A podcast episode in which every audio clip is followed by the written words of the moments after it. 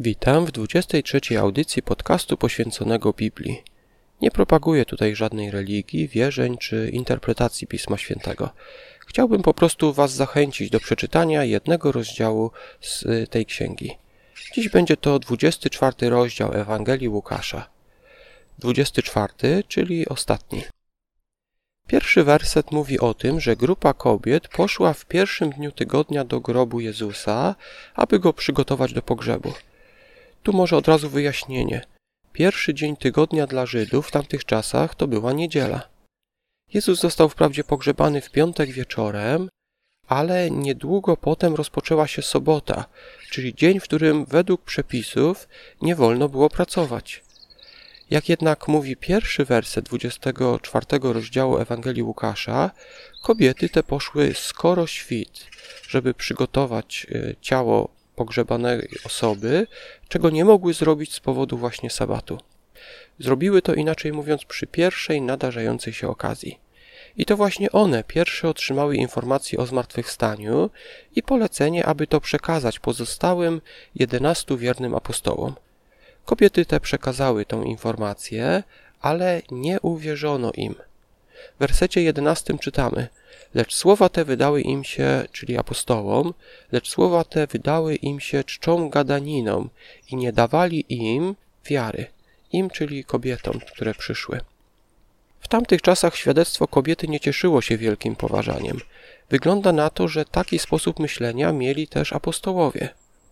W audycji dziesiątej omawiałem Ewangelię Jana, rozdział czwarty.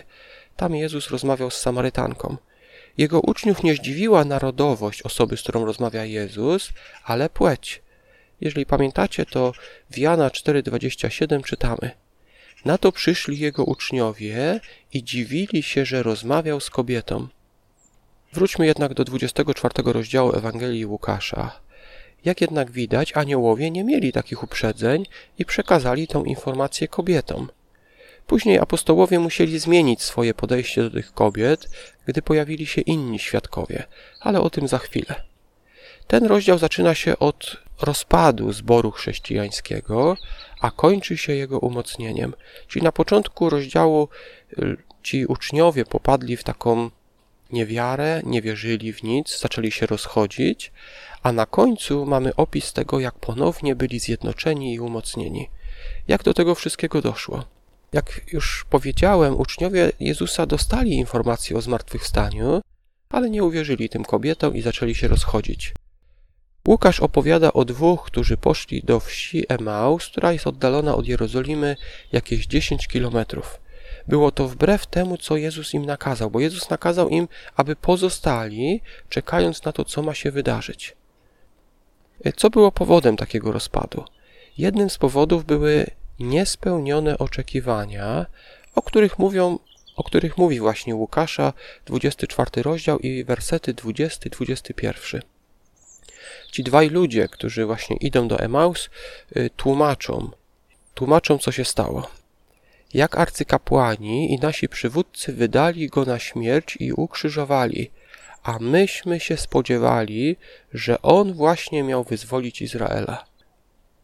Zobaczmy, nam Pan Jezus kojarzy się chyba wyłącznie w sposób religijny, ale oni oczekiwali wyzwolenia Izraela, czyli czegoś politycznego. Izrael był pod władzą Rzymian, a ci dwaj uczniowie oczekiwali, że Jezus wyzwoli Izraela, wygoni Rzymian i doprowadzi do niepodległości. Jak wiadomo, zawiedli się. Co zrobił Jezus? On zaczął im tłumaczyć, że ich oczekiwania były bezpodstawne. Wersetach 25 do 27 czytamy. Na to on rzekł do nich: O nierozumni, jak nieskore są wasze serca do wierzenia we wszystko, co powiedzieli prorocy. Czyż Mesjasz nie miał tego cierpieć, aby wejść do swej chwały?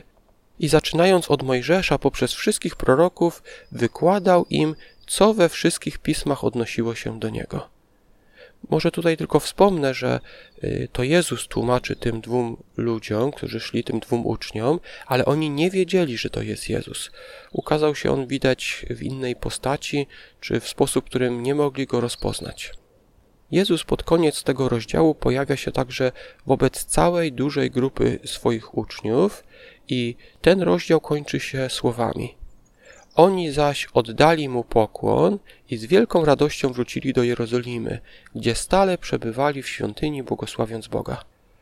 Czego można się nauczyć z Łukasza, rozdziału 24? Po pierwsze, można ufać kobietom. Dziś chyba nie ma z tym nikt problemów, ale może warto to przypomnieć.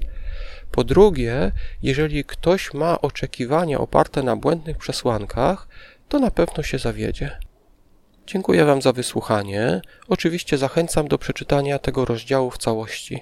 W notatkach będą linki do trzech różnych przekładów Pisma Świętego, gdybyście nie mieli Biblii papierowej. Ja jeszcze raz dziękuję Wam za wysłuchanie i zapraszam do kolejnej audycji za tydzień.